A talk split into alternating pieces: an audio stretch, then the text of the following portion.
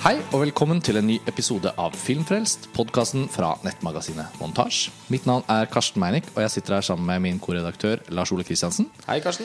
Vi er fortsatt på filmfestivalen i Berlin, og til denne episoden av eh, Filmfrelst så har vi med oss en gjest. Pernille Risbråte Egebjerg fra Filmmagasinet, velkommen. Takk, takk. Eller velkommen tilbake, som det heter. Du var jo gjest på Filmfrelst på filmfestivalen i Tromsø. Det er jo ikke så mange uker siden. Nei, det er veldig gøy. Eh, Du er på filmfestivalen i Berlin, du også. Er det første gang du er her nede? Å ja, det er første gang. Hvordan har liksom opplevelsen av festivalen vært nå? Overwhelming er vel det eneste ordet som kan beskrive det. det Det er en litt større filmfestival enn filmfestivalen i Tromsø. ja, det kan man trygt si. kan man si. Eh, I denne episoden så skal vi snakke hovedsakelig om én film. Uh, den eh, heter 'L'Avenir', en fransk film regissert av Mia Hansen Løve. Og Mia Hansen Løve Lars Ole, hun er jo en montasjefavoritt. Absolutt. Eh, hun var sist på kino i Norge i fjor med filmen 'Eden', som bl.a. handler om den musikkepoken som Daft Punk var en del av. Eh, hovedpersonen er ikke en del av Daft Punk, men Daft Punk var jo mye til stede i den filmen. Og hun har også gjort eh, filmer som 'Goodbye First Love' og Father of My Children, som var hennes gjennombruddsfilm. Og så har hun laget en film før den også, men den har ingen av oss Nei. sett. Men vi har sett de tre foregående filmene. da Og Mia Hansen Løve er jo da i hovedkonkurransen her i Berlin med denne filmen 'Lavenir'. Og øh, jeg bare tenker sånn innledningsvis øh, Jeg vet at det er din første Mia Hansen Løve-filmen du har sett, Pernille. Ja, jeg har ikke sett noen av filmene hennes, men jeg vet jo at jeg må se Eden fordi jeg hører at Greta Gerwig så vidt er med der. Hun har sniker seg med et lite øyeblikk. Ja. Eh, Det er ikke en stor del av filmen, men er Ja, med. men da må jeg se og. Hvis du er Greta Gerwig-kompletist, så er den vel et slags must. Ja, men Mia Hansen Løve er i hvert fall en, en filmskaper som så man kan tenker vi kan si litt om hennes karakteristikk, og da er det kanskje naturlig, Lars Ole. Kan ikke du, du har sett 'Goodbye First Love', og den har ikke jeg sett. Nei. Hva er liksom hva, hva kan man si om henne som en av de franske filmskaperne? Hun har jo vært med å liksom sette en sånn fin, litt sånn tilbakeholden kanskje tone for innen fransk film. Det er ikke noe my venn. Eh, Nei. Det er et ganske stort skille der. Og Celine Skiamma, en annen filmskaper som kanskje er litt yngre, men likevel en del av samme generasjon, hun holder på med noe litt annet igjen. Ja, hun er jo mye mer stilisert enn det Mia Hansen Løve er. Eh, Mia Hansen Løve er jo, eh, er jo sammen med Olivier Assayas, og det har jo på en litt uheldig måte gjort at veldig mange har trukket litt sånn for enkle koblinger mellom de to. Eh, og nå skal det sies at det er en del Assayas-aktige trekk ved no, et par av filmene hennes, men eh, hvis man skal snakke om at hun har et uh, særpreg, hvilket jeg syns hun har, så syns jeg det handler om at hun har Filmene hennes er preget av en veldig sånn uh, dempet, og, men samtidig litt sånn uanstrengt toneleie. Uh, og til dels litt sånn elliptisk historiefortelling. Mm. Istedenfor å mm, blåse opp de potensielt dramatiske øyeblikkene, så toner hun det heller ned. Noen ganger klipper hun det rett og slett ut av historielinjen i filmen. Så vi må liksom vi må, en, en må ofte som tilskuer fylle inn en del mellomrom mellom scenene selv. Eh, samtidig så bidrar også det til at scenene ofte føles ladet med noe mer enn det vi bare ser. Eh, og, uh, og, og man blir veldig Jeg føler nesten alltid at man kommer veldig nært innpå karakteren hun skildrer, uten at hun liksom invaderer dem. Eh, og ved å også unngå å dyrke liksom dramatikken i fortellingene, så får hun da også et rom til å se på litt andre ting. Eh, hun er opptatt av hvordan mennesker ser på hverandre, tar på hverandre, eh, avstanden mellom menneskene i et rom, hvordan mennesker beveger seg, eh, og, og har et veldig sånn klokt, disiplinert filmspråk som jeg eh, setter veldig stor pris på, og som jeg også mm, dro veldig kjensel på i 'Lavenir'. da Ja, og jeg tenkte på Når du begynte å snakke om eh, en litt sånn elliptisk fortellerestetikk, så tenker man jo ofte på Claire Denis, hvis man er kjent med, med hennes filmer, som man burde jo være. Eh, Men Claire Denis har en helt annen Hun har mange andre kjennetegn som kanskje ikke Mie Hansen Løve er opptatt av i det hele tatt engang. Men, men en film som 35 Shots of Rum for eksempel, føles jo som en sånn Claire Denis-film som har veldig mye til felles med det Mia Hansen Løve holder på med. Da. Så jeg- bare for å tegne opp litt for oss, både for lytterne våre og sånn i generalitet Jeg føler ikke at Mia Hansen Løve er blitt en så profilert filmskaper at hun virkelig er på folks lepper. Nei, og Eh, hun lager filmer også som på en måte er så små at de gjør seg ikke så veldig bemerket utover at ja, Mitt inntrykk er i hvert fall at mange av de som faktisk ender opp med å se filmene hennes, setter veldig pris på dem. Men hun har på en måte ikke hatt noe sånn stort gjennombrudd helt ennå, da. Og med Eden i fjor så skulle man nesten tro at det kom, for tematikken var så popkulturelt interessant. I tillegg til at filmen hadde fått gode kritikker. og alt mulig Men på en eller annen grunn, så selv om Eden gikk på norske kinoer Han hadde vel premiere i august 2015, rett etter Øyafestivalen, stemningen lå i luften, så var det på en måte som om ikke folk helt oppsøkte den. Så, så hun venter jo for så vidt ennå på et litt sånn bredt gjennombrudd, i hvert fall på kino i Norge. Og, eh, og det bringer oss til Lavenir, da, hennes nye film. Eh, Jeg kan jo oppsummere plottet kanskje kort, uten, Ja, at, uten å komme med noen spoilere. Men dette er da en film som har en veldig sånn sterk og fremtredende kvinnelig eh, hovedperson, spilt av Isabel Huppert. Og eh, hun er eh, Filmen foregår vel over nesten 10 år? 10-15 år. Det sies aldri, men man føler at tiden går. Og særlig hvis man tar med prologen, for det er en kort prolog. Og vi ser at hun er en lærer i 50, tidlig 50-årene, kanskje, som bor sammen med mannen sin. Hun har to ja, Når filmen kommer i gang, så har hun liksom to voksne barn som, som er studenter, og hun er lærer. Og, fa og mannen er lærer. Og hun er også forfatter av en del sånne skolebøker som selges på skolen. Og jeg tror Det virker som det er en del av hennes liksom, inntekt i tillegg til å være lærer. da Filosofilærer. Så blir hun også kjent med at hun har en tidligere elev som nå er i, i 20-årene, eller i slutten av 20-årene, som, som har veldig respekt for henne, og hun har respekt for ham. Man får liksom man, Dette er en dame som, som har et ganske stabilt og godt liv. Filmen handler om hvordan hennes liv på en måte går gjennom en, en metamorfose, en endring. Og jeg syns du sa det veldig bra rett etter filmen. Lars Ole Du, du liksom sjangerbetegnet den som en coming of age-film. En coming of age-film for For, mid, alderdommen. for middle age. Coming Yes. of middle age. Og det er veldig presist. Altså, her handler det om en dame i 50-årene som, som går gjennom en livsendring. Og det er på en måte plottet. Jeg trenger kanskje ikke si så veldig mye mer. Nei. Uh... Så, så, så la oss, skal vi bare ta en kjapp runde? Uh, kan vi begynne med deg, Pernille, siden du ikke har forhold til Mie Hansen Løves filmer fra før av, og så denne litt sånn blankt, en klassisk sånn festivalopplevelse. Du går inn, ser en film du kanskje ikke visste så mye om fra før av. Uh, hvordan følte du at denne filmen var? Det var veldig gøy å bare gå til den og ikke vite noe. Jeg liker Isabelle Huppert, og fransk film er alltid tiltalende. Jeg ser gjerne alt. Eh, og jeg likte den, og den var fin. Og favorittaspektet ved hele filmen Hun var vel karakterutviklingen til Isabelle Huppert. Hun virka som en veldig sånn eh, Ikke eh, direkte en sånn autoritær type, men hun var sånn Det her finner jeg meg ikke i. Hun var litt sånn F.eks. For eksempel ved en scene i starten når det er noen eh, som produserer utenfor skolen, så er det sånn Nei, skjerp dere, elevene mine skal inn. Hun er sånn chop, chop, chop. Uh, og jeg likte karakteren hennes. Uh, men samtidig, filmen var litt lang og en smule forglemmelig for meg.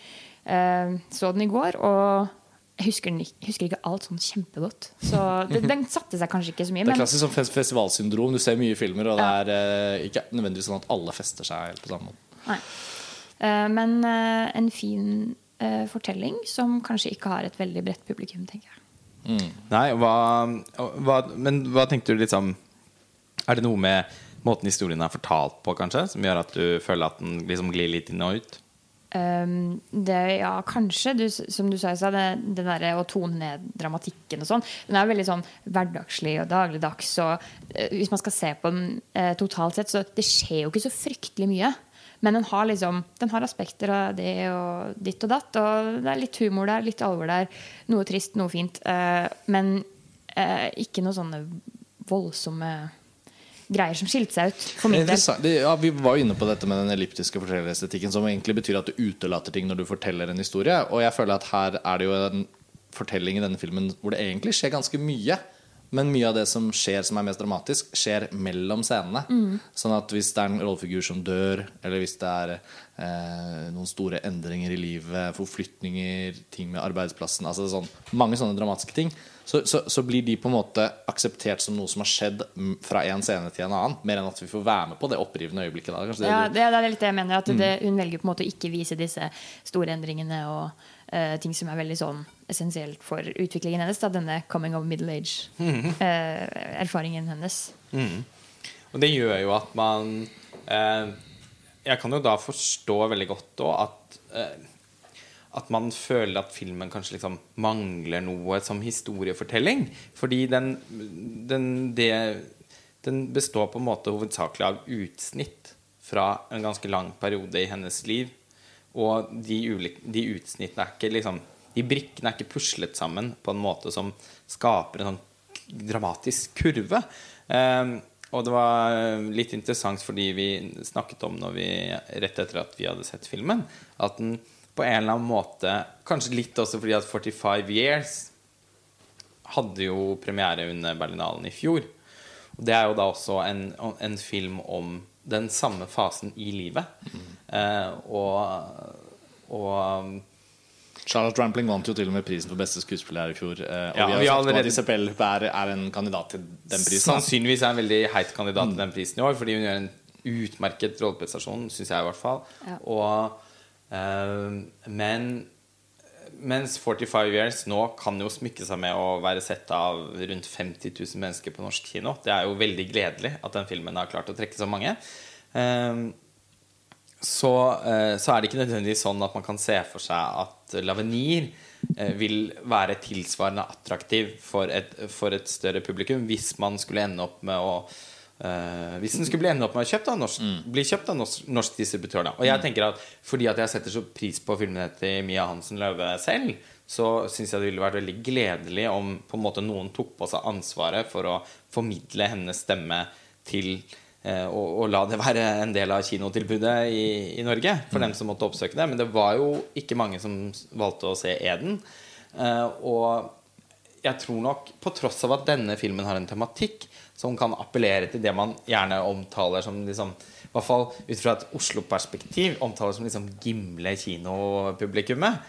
Eh, og et, altså et godt voksen publikum som gjerne vil se en god Kanskje aller helst fransk eh, film eh, med, med, med glass rødvin ved siden av.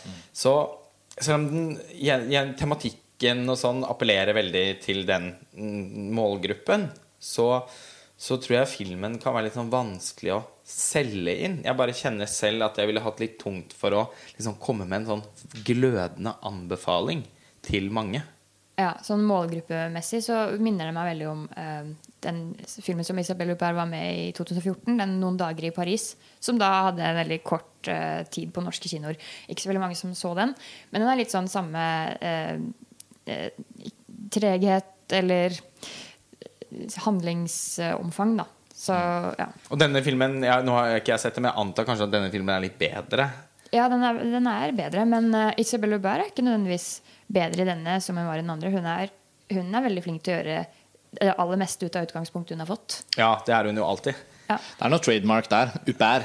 Ja. Hun, hun gjør nesten ikke dårlige roller, hun. Nei, Hun, hun, hun er med i dårlige filmer, Ja. men hun er ikke Ja. nødvendigvis eh, den dårlige hun, jeg, jeg opplever nesten alltid at hun løfter de filmene hun er med i. Og, og det gjør hun her òg. Fordi akkurat det som du var inne på i stad, Pernille, sånn, den integriteten til rollefiguren hennes, klarer hun også fordi hun er et litt autoritet Hun har en autoritær utstråling. Eh, og, og det gjør at det er på en måte veldig god casting. Eh, hun, det er som om rollen er skrevet for Isabel Huppert.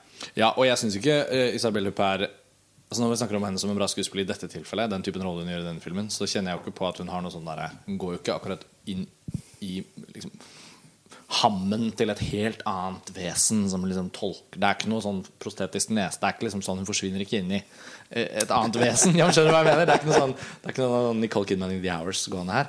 Det er jo Isabel Huppert som liksom bringer Isabel Huppert til bordet Ja, og sier hun- jeg skal bruke av på en måte mine, mine emosjonelle ressurser og hva jeg har kapasitet til, og, og gi liv til denne rollefiguren og plukke manus veldig bevisst. Det vet vi jo. Og hennes persona som passer til eh, så godt til rollefiguren. Så man kan jo tenke at den kanskje er skrevet for henne. Det er godt mulig. Og Ja, det det vet jeg ikke. ja. men, eh, men likevel så syns jeg ikke Isabel Huppert på noen som helst måte er på autopilot. Hun er veldig, veldig til stede. Og med noen ørsmå nyanser syns jeg hun klarer å uttrykke eh, Og det kler uttrykker veldig mye, og det kler også den Mia Hansen Løvaktige måten å fortelle historier på. Eh, Hun er på en måte avhengig som en slags dirigent for det orkesteret hun har samlet til å spille denne filmen. Så er hun da også avhengig av at alle de instrumentene er liksom stemt riktig. Og Nå kjenner jeg ikke helt historien i den første filmen til Mia Hansen Løve, men det er jo ikke egentlig sånn at hun har fortalt historier om mennesker i denne aldersgruppen tidligere. ja, hun har stort sett fortalt om yngre latt, Til og med i 'Father of My Children', Uh, selv om det også er mange godt voksne Ja, rollefigurer ja. ja. så er det jo uh, hun Alice de Lecvesang uh, som spiller det er, Som er jo en ung, ung fransk skuespiller. Det er jo på en måte hun som er den filmens hjerte. Og liksom vår vei inn i den fortellingen, 'Goodbye First Love', er jo da en coming of age-film. Eh, den har jo veldig mye til felles med den, syns jeg. Eh, nettopp derfor. Altså De følger en sånn lignende struktur. Um, og, og, og Eden handler jo om et ungt miljø. Eh, så hun har jo på en måte laget hun, Mie Hansen Løve er jo fortsatt veldig ung selv også. Ja, Så slutten av 30-årene antageligvis. Begynnelsen av 40-årene, kanskje. blitt såpass gammel. Hun så ikke så gammel ut. Ja, nei, jeg, jeg bare antar, jeg. Årene- Eh, Det kan vi selvfølgelig sjekke. Men eh, nei, jeg opplever at hun, eh, hun er en, en filmskaper som ikke er langt unna Zelinskyj Amma-generasjonen. da Zelinskyj Amma er vel 37, og jeg tror Mm. Ja, jo, men det stemmer nok. Jeg bare føler Årene fyker så fort forbi. Ja. husker Når hun kom med 'Father of My Children', som var liksom en ung fransk filmskaper. Ja, nei, hun er 35, faktisk, så hun Ja. er litt yngre. Ja. Mm. Uh, men ja, så det er, det, det er den første filmen med unnta, altså, Nå har jo ikke vi sett eh, debutfilmen, men av de vi har sett, så er jo dette den eneste som, som forteller om en aldersgruppe som er litt lenger unna henne selv, og som hun så langt egentlig da ikke har noen personlig erfaring med. Hun har jo ikke opplevd den alderen selv. Nei. Men jeg syns likevel hun klarer å si noen Og det har jo ikke jeg heller. Men eh, ja, med det sagt Litt har man lært av å se film. Nettopp. Og, og, og litt har man jo lært av å være kjent med mennesker som er eldre enn seg selv i løpet av livet også. Så sånn sett så føler jeg likevel at hun eh, på en veldig treffende måte sier noe om den overgangsfasen. Da. Jeg vet ikke hva dere føler, men jeg følte at det var på en måte En av styrkene til filmen var at jeg kjente at jeg kunne identifisere meg med forløpet. Hvis vi ikke kaller det helt en historie fordi den er ikke så mange dramatiske hendelser som vi får, liksom, får se at skjer, så er det noe med liksom prosessene, selv om ikke da noen av oss er da i slutten av 50-årene, eller hva vi skal anslå at hun er, da, så er det noe med det hun går igjennom, som jeg i hvert fall syns man kan identifisere seg med. Og det handler om, om forholdet lærer-elev. Man har jo vært elev selv, og jeg tenker på lærere som betød mye for meg. Jeg syns det var veldig fine biter av filmen. Hvor det, ja, Den er ikke på dramatisk høy gir, men det er sekvenser hvor hun møter en tidligere elev, de går og tar en kaffe. De snakker liksom, Han har blitt essayist og kan skrive om filosofi, men han er litt for radikal for hennes smak. Hun hadde sin radikale periode, det får vi høre. Og så er det liksom sånn, De reflekterer over ting. Jeg vet ikke om noen av dere andre følte det på den måten, men jeg synes det å liksom kunne gjenkjenne seg i relasjoner i filmen synes jeg hadde, ja, var en høy kvalitet ved opplevelsen for meg. Ja, det er jeg enig i. Og, og jeg syns at eh, den også hadde Relasjonen mellom hun og hennes tidligere student Den blir ganske viktig er, er, er, også et ganske interessant motiv i filmen. Mm. Fordi i hun Ja, nå, må, nå kan det komme en bitte liten spoiler-advarsel, selv om jeg føler at det, dette kommer sannsynligvis til å stå på en måte bak på cover av filmen. Når den kommer på det, Ja, men hvis noen vil ta på pause eller skru av eller hoppe, eller hoppe et minutt frem i frem i episoden episoden, så må dere gjerne gjøre det. Men hun blir jo da skilt eh, fordi mannen hennes er utro. Og det fremkommer jo også før, lenge før hun får vite det, at hun òg på en måte har mistet litt interessen for han. Det er ikke sånn at det, kjærlighetslivet deres gløder akkurat. Og, eh, og da gjenopptar hun jo eller liksom, Eller jeg føler at hun knytter en sterkere kontakt da til sin tidligere student enn det som har vært tilfellet tidligere. Og eh, hun blir jo Jeg opplever i hvert fall at hun ganske tydelig blir litt betatt av han. Og, og Det er ikke så rart. Nei. Nei, men, altså, men, men det ligger jo litt sånn u, Det ligger jo litt sånn usagt under overflaten. Da. Apropos det du snakket om, Pernille, om at liksom, det er en film hvor du ikke får de store dramatiske øyeblikkene. Så tenker jeg, i hvert fall jeg opplevde her at i den relasjonen, eh, eldre lærer og yngre elev, men mye senere, ikke mens det er et sånt elev-lærerforhold, men liksom senere, så syns jeg at det skapte en viss sånn spenning. Da. At ikke det ble Ja. avklart. De forsto hverandre på sånn intellektuelt nivå, men samtidig satte pris på hverandres forskjeller, øh, følte jeg. Altså, øh, hun var veldig interessert i altså, Hun, hun fant fa- sikkert ganske mye interesse for han eh, i ettertid fordi at hun kanskje ser hvordan hun har vært med å forme han eh, i hans coming of age. på en måte Og nå har han liksom blitt en voksen, og nå kan, nå kan de prate sammen på sånn voksen til voksen. Og det er liksom ikke den profesjonelle settingen lenger. Og det var veldig fint, da, synes jeg. Og man sitter jo liksom og lurer litt på ja, hva skal skje her egentlig. Og, for hun blir jo med på tur ut på landet med vennegjengen hans, og da henger hun jo bare med masse unge mennesker. Mm Drass på den der katten, og som er en veldig morsom eh, ting gjennom hele filmen. Så, ja, Katten. Ja, det er faktisk en, en lolcat i Ja. filmen. Eh, Den er ikke så uh, Hva skal man si Uh, karikaturlignende som lolcatten i Louin Davis. Uh, Inside Louin Davis. Eller i. Miranda Julies The Future. Ja, så i, i kategorien noen skriver inn en morsom katt i fortellingen, så syns jeg Lavenira Mia Hansen Løve gjør det på en subtil måte. Det fungerer ganske bra. Men det er også morsomt når du klipper til et par katteøyne som liksom sitter inne i kurven og ser ut. Eller, eller i vinduet på, på, på gården der. Eller under sengen. Ja. To sånne hvite, litt sånn olme katteøyne. Og katten, eh, som da er eh, Isabelle Huppert sin rollefigurs mor sin katt, blir jo da faktisk egentlig en- metafor i fortellingen som er såpass subtilt brukt at den fungerer. Jeg synes Det hadde vært kleint hvis den ble sånn overtydelig metaforifisert. Eh, men den blir liksom bare som en sånn Ja, og vi, og vi, og vi kan ikke ikke se det. Jeg synes det blir for teit når metaforer blir sånn Ja, men så du ikke det? Bare, Nei, skulle jeg tenke på det? Men den er er nok, følte jeg. Jeg vet ikke om Ja, fordi eh, karakteren hennes eh, er jo en sånn Nathalie, var det ikke det hun het? Ja, ja.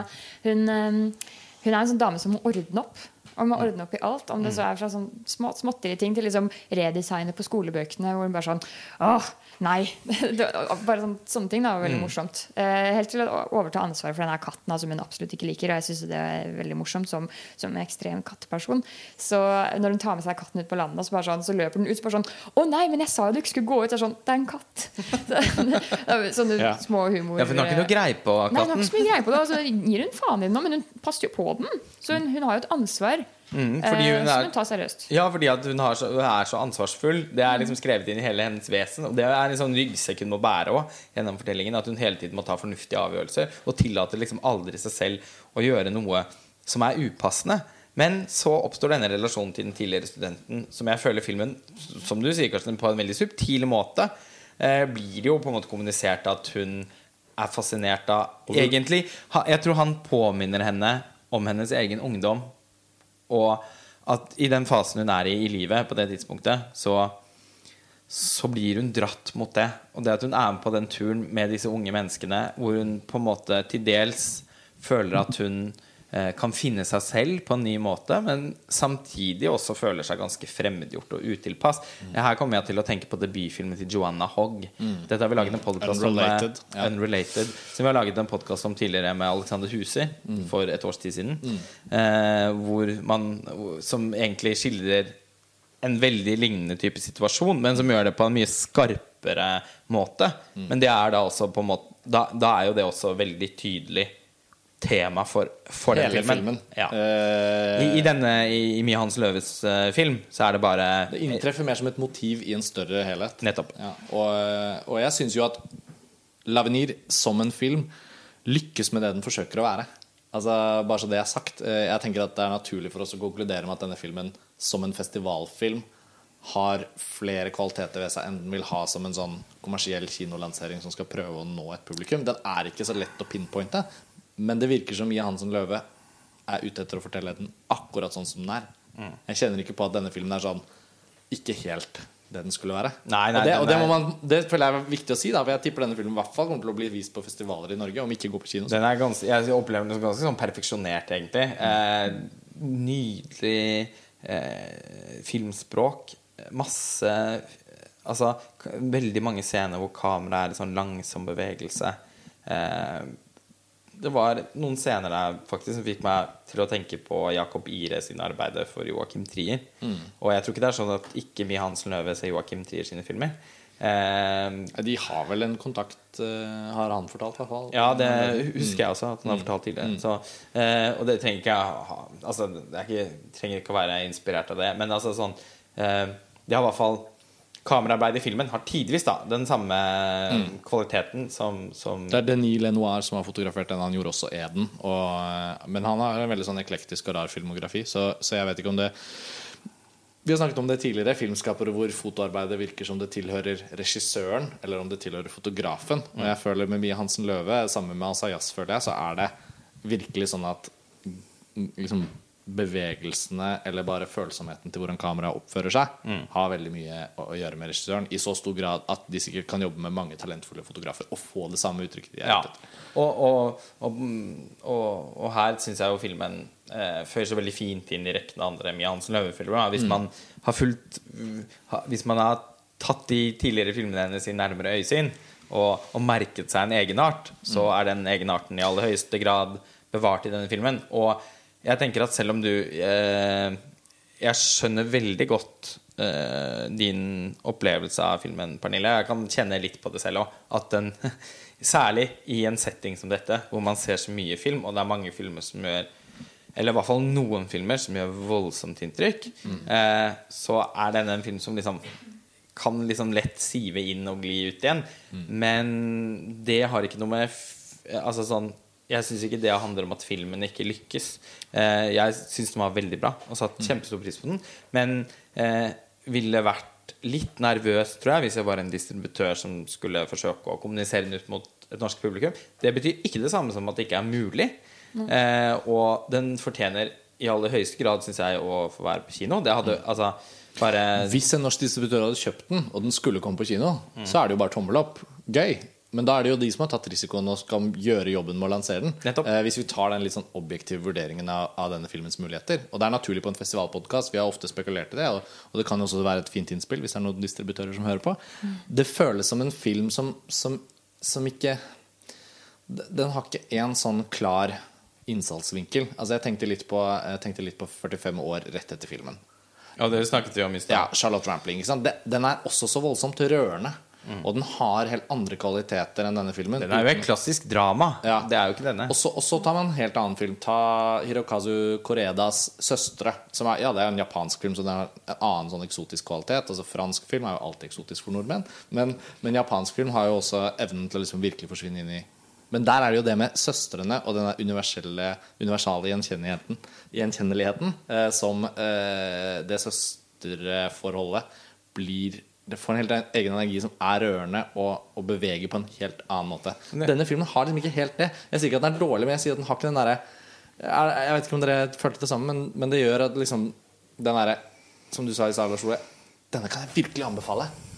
Ja, det, det er vanskelig å komme med en det- det- glødende anbefaling. For jeg tenker at den kanskje er mer Mange av filmens kvaliteter eh, er til for et veldig oppmerksomt publikum.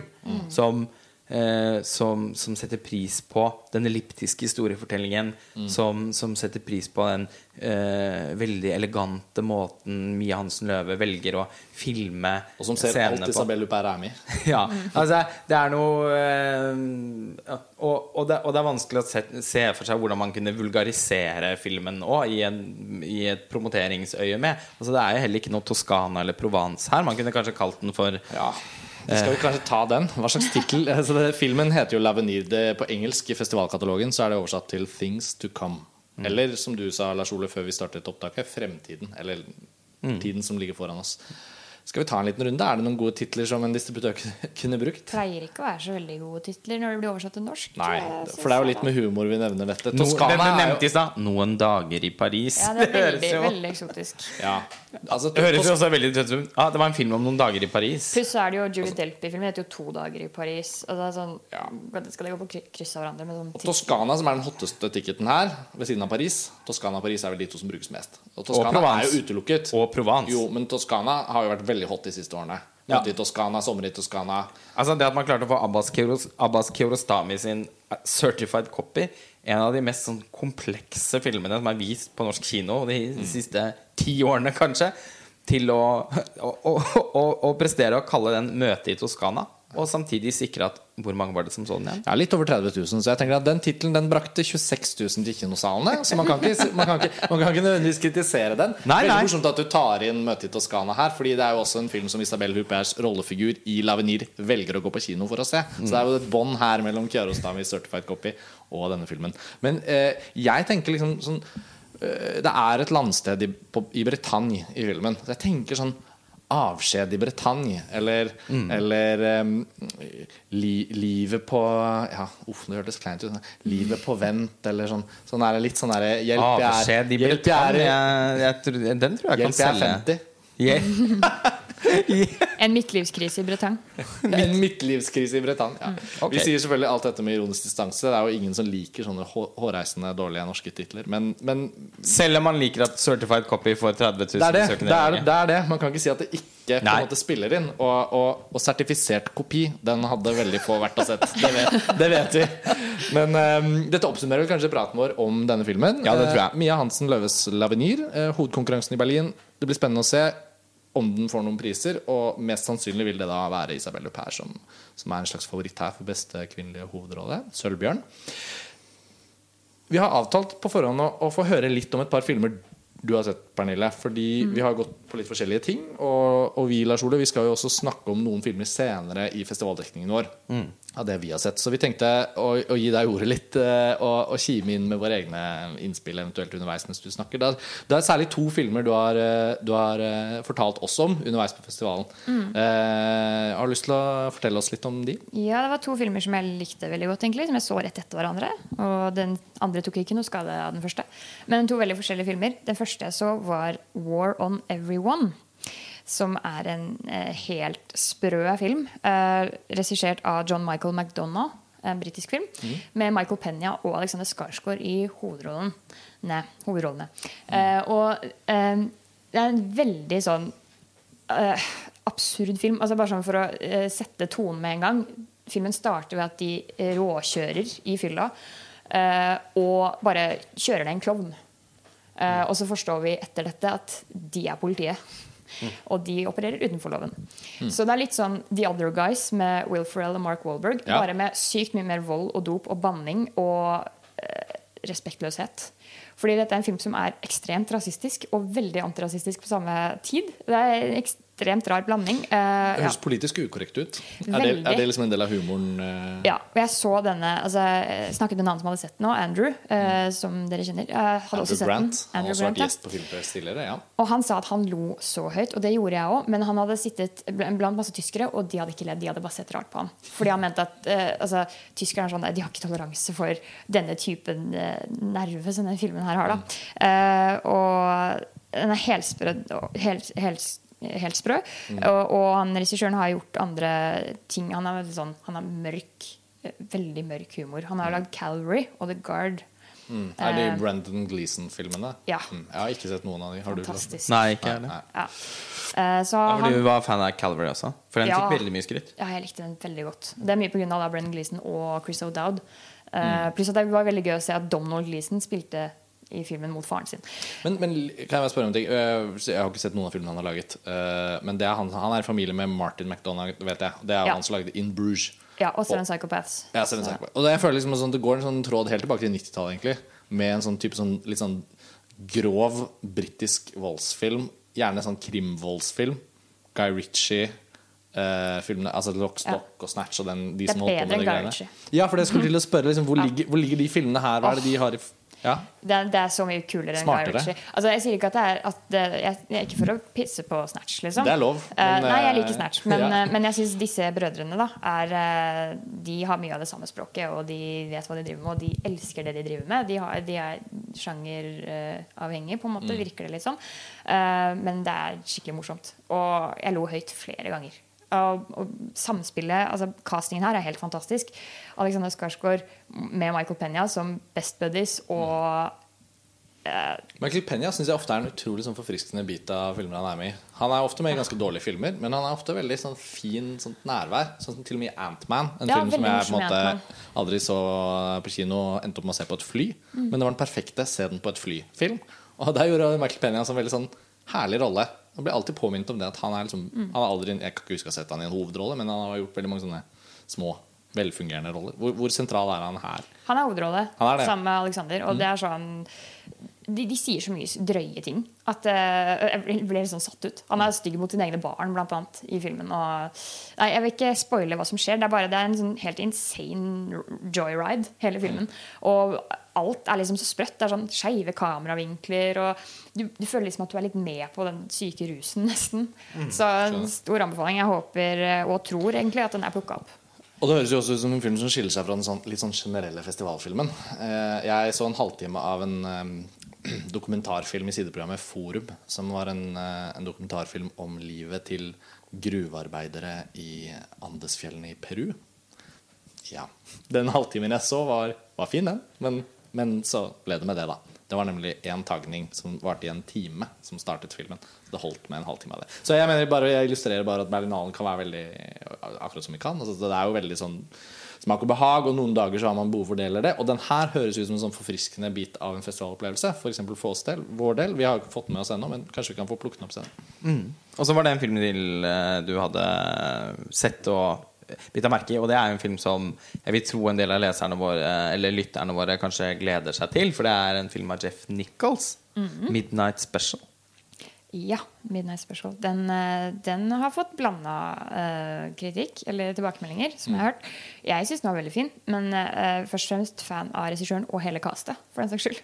Så det spiller mye inn for meg. Jeg er veldig glad i skuespillerne. Det her er det jo en sånn utrolig fin uh, samling av Adam Driver, Kirsten Dunst, Joel Edgerton eh, og eh, Michael Shannon, ikke minst. Eh, og så er det jo han eh, eh, lille skuespilleren Jaden Li Lieberher. Lieberher. Lieberher. Lieberher, eh, som er liksom åtte-ni år gammel.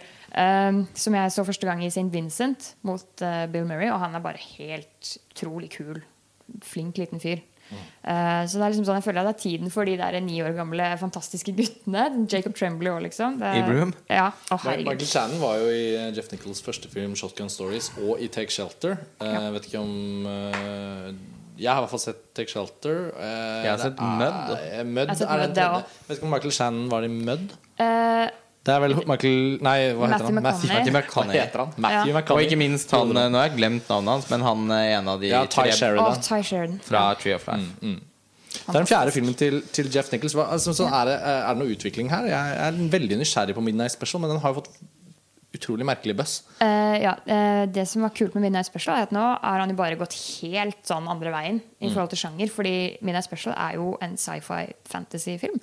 Og det jeg likte så utrolig godt med den, er at uh, i starten så, så kan det se ut som en typisk Jeff Nichols-film. En litt sånn rolig, en, en lang film. Det er drama, det er virkelighetsnært. Det er eh, kompetente folk bak i alle spakene her. Foregår vel ikke en storby? Eller? Nei, Fordi han er litt liksom det landlig i alle filmene Ja, det er landlig. Det er ikke, noe, nei, det er ikke storby. Men jeg bemerka meg kanskje ikke akkurat hvor det var. Uh, men i starten så skjønner du ikke helt. Altså Hvis du ikke eh, leser noe på forhånd Jeg vil anbefale folk å ikke gjøre det. Det er egentlig litt kulere å ikke vite noe særlig. Mm. Uh, du bare går inn og ser den, og så bare virker Ok, det er en sånn her film. Og så blir du litt sånn overraska, fordi at eh, ja, nå sier jeg jo at sjangeren er jo sci-fi fantasy, så Mm. det skjer jo noe som ikke vi har sett fra Jeff Nichols før. da Mm. Eh, og jeg liker veldig godt hvordan filmen ikke avslører noe for fort. Uh, jeg satt ganske langt ute og tenkte men, men hva, er det som, hva er det som skjer? Mm. Og det sånt liker jeg. Leste et sted at den hadde veldig bra musikk. Stemmer det? Eller bemerket du det ikke? Jeg bare, det var Andrew Grant nok en gang. Som, han, han likte ikke denne filmen, uh, men han sa at musikken var så utrolig bra. Jeg bare blir veldig nysgjerrig på, på, på Jeff Nichols liksom, greie. Ja, og så er det noen som har sammenlignet denne filmen med Steven Spielberg og ET, og det gjør jo meg nysgjerrig, i hvert fall. Ja, jeg Ja, ser det er med Close. Encounters har også blitt nevnt her, så det blir sånn der, oi, det er mye, Kan du bekrefte det er mye å leve opp til, tenker jeg. Ja, kan du bekrefte Ja, den? absolutt. Det eh, er noen klare sammenhenger. Altså, han er ja, inspirert. Ja, det er, det er jo kanskje greit å ikke avsløre for mye. Hvis det, jeg skjønner jo at det er en slags tvist av noe slag her. Ja, eller kanskje ikke direkte twist, men eh, en, en litt kul overraskelse.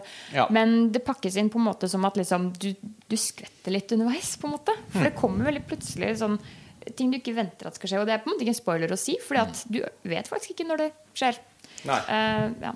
Jeg lurer på en ting, altså Jeff Nichols er jo en independent filmskaper. Han jobber jo med kjente navn, men han har jo også vært med å gjøre Michael Shannon for eksempel, til et kjent navn. Så det, er liksom, det går litt begge veier. Eh, og så sier du at det er en science fiction fantasy. Altså, sånn, I Hvordan fremstår filmen som Altså dens liksom, production value? da Er den følelsen som en storfilm, eller er den en av de der sånn, små filmene som har elementer av uh, science fiction? Den er ikke en storfilm, Nei. føler okay. jeg. Den, uh, nei.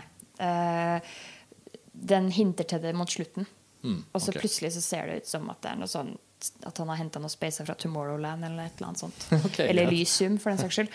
Eh, men eh, for, altså, gjennom nesten hele filmen så er det en uh, paranoia uh, on the ground. Litt sånn Mm. Det høres jo litt ut som Take Shelter. Altså, det er også en film som gjør et sånt uh, storfilmløft på slutten. Som kommer litt overraskende. Men mesteparten av tiden så er jo den også en sånn paranoia. Ja, for dette er jo en fluktfilm. Mm. Eh, først og fremst. Eh, thriller. Para, eh, veldig, alle er sånn helt paranoide. Og, men du skjønner liksom ikke helt hvem som er redd for hvem, hvor, hvem hva de er paranoide for. Eh, du får bare masse clues fra forskjellige hold. da Og en av favorittene mine er kanskje Adam Driver. Jeg skal ikke si noe mer enn det. Bare Han utmerker seg i filmen. Jeg Vet ikke om lytterne våre har hørt om Adam Driver, men Han Han har jo spiller hatt et en fantastisk- rollefigur som heter Kylo Ren i den nye serien. Altså, Han har jo hatt et fantastisk år. Jeg, bare, jeg er jo veldig glad i Adam Driver selv også. Åpenbart i Girls. Alle vi som har sett han Girls, eh, har jo Men eh, en positiv relasjon da. til og med While We're Young, som jeg syns er så jævlig dårlig, han og Baumbach, der gjør jo han en veldig bra figur. Og han er herlig i Frances Ha. Og, og, og han gjør en liten rolle i Lincoln. Og liksom sånn, han har jo bare hatt en så fin stigning. Star Wars selvfølgelig er jo helt utrolig Mm. det er eh, så han er- nedslaget, men han gjør jo faen meg en jævlig god jobb der òg. Han Ja, er, så han er ja, han er så karismatisk. Altså, hans tilstedeværelse i et eh, filmisk rom tiltrekker seg liksom kamerats og tilskuerens oppmerksomhet med en gang. Han trenger liksom ikke å gjøre noe engang. Han trenger bare å være der. Og det er jo noen egenskaper som ganske få skuespillere besitter. Ja, han er nesten ikke en skuespiller. Det virker som at alt faller så utrolig naturlig for han. Ja, Og så blir det spennende å se hvor liksom stort register han har etter hvert. Mm. man kan jo kanskje si at en del av de rollene han har gjort, er liksom, ligner litt på hverandre. Eh, men jeg syns jo, synes jo han fungerte fantastisk bra i Vi snakke Star om Wars. Llewyn Davis. Ærlig talt, Louin Davis. Inside Llewyn Davis. Ja. Ja. Det er, eh, som vi snakker om på Hale Caesar-podkasten, forrige episoden av Filmfrelst, så er jo ikke det noen favoritt for verken Lars Ole eller meg. Men eh, Adam Driver har jo stukket nesen sin inn der òg, han. Han er veldig bra i den, da. Når de gjør det musikknummeret. Ja, det er flott, det er eh, et flott Ja, det er en sekvens Altså, det er jo masse- funker greit, den. Nei, altså hvorfor ikke Nå skal ikke komme opp på den diskusjonen igjen. Men det er, det, er, det, er, det er jo ganske mange uh, positive Altså det er jo mange fine ting ved den filmen. Det er jo liksom helheten, tror jeg, som ikke du eller jeg var så begeistret for. Nei. Det skal vel sies, som vi også sa i Hell Caesar-podkasten, føler fortsatt at vi er nesten helt alene om det. Alle elsker den filmen. Ja, Inside Llewyn Ja, kanskje vi må se den igjen en dag og så Ja. lage en, eh, ny podkast. sånn, ja Kanskje det kunne vært en av de episodene Vi har jo snakket om at vi har lyst til å gjøre en sånn kommentarsporepisode på Filmfrelst. Mhm. Hvor man har et løpende kommentarspor, sånn at man kan sette på podkasten og høre på podkasten mens man ser filmen. Akkurat som kommentarspor som følger med på DVD-en og Blu-ray. Kanskje Inside Llewyn Davis er liksom Det hadde vært litt om morsomt. Fordi vi, Ja. fordi, fordi vi hadde såpass store problemer med filmen i utgangspunktet. Ja, kan vi vi komme vi inn som en sånn antagonist. Vi får se. Disse to filmene i hvert fall høres ut som anbefalinger. Eh, vi noterer oss det nå her i festivalløypa, og de kommer vel høyst sannsynlig til å dukke opp, om ikke på kino, som likevel er sannsynlig, så i hvert fall på, på DVD og strømmetjenester og sånn etter hvert. Um, Jeg må bare også si at det var Ja. veldig, veldig kult. Jeg gikk på, uh, på den eh, eh, presse... eh, konferansen. Konferansen Ja. mm. sorry. Eh. Pressekonferansen etterpå med Jeff Nichols og Kirsten Dunst og Michael Shannon og Joel Edgerton. Eh, og det var så utrolig eh, gøy å høre de eh, prate om filmen. Eh, og, og da ble det jo nevnt, da Det var noen som stilte spørsmål med eh, forholdet eh, mellom Jeff Nichols og Michael Shannon. Og de var jo veldig enige om at de hadde formet hverandre. Og det var veldig sånn de skulle, de, Folk ba dem om å beskrive forholdet til hverandre, og de ble sånn Ja, det er ikke akkurat far-sønn, men uh, Fordi Jeff Nichols er veldig ung. Uh, han er 37-36. men de ble enige om at de er en slags sånn, sånn mentor-student Eller sånn lærer-student-forhold, nesten. eh, hvor de bare har tatt et veldig tett samarbeid. Så de kommer til å fortsette. Det var det ingen tvil om. Det er kanskje litt sånn veksle litt mellom være hvem som er mentor og student òg, holdt jeg på å si. Hvis de, ettersom de er liksom har Ja. skapt hverandre litt. Ja, det er det som er så gøy. da Fordi de er, sånn, de er ikke jevnaldrende, de er nesten det. Men begge har vært med å gjøre den andre stor, da. Og har jo et navn. Så når Jeff Nichols får jobben med å gjøre en sånn Man of Steel-prequel om han General Zod så blir det eller, eller hva? Jeg tenker Men, mens vi venter i, i, i brusende stemning på uh, Batman versus Supermann. Jeg gjør jo det, men Du gjør eh, jo det. Mm, Ja. jeg er så fan av Zack Snyder som en del av lytterne våre vet. Vi hadde siktet oss inn på en halvtimesepisode. Nå er- tror jeg vi er på ca. 40 minutter. Jeg føler det er et naturlig sted å oppsummere. Eh, Festivalen er midtveis. Det skal ses masse mer film. Så det, det kommer mer dekning på montasje her fra Berlinalen 2016. Eh, Pernille, takk for at du har returnert til Filmfrelst og, jeg og, og vært gjest tilbake. på en ny episode. Veldig hyggelig å ha deg her. Um, ja, Lars Ole, vi vet jo at vi returnerer i neste episode av Filmfrelst, så vi trenger ikke si så mye Det er bare et tidsspørsmål. Det er bare et tidsspørsmål. Takk for at dere hører på. Vi takker for oss for denne gangen. Ha det bra. Ha det bra.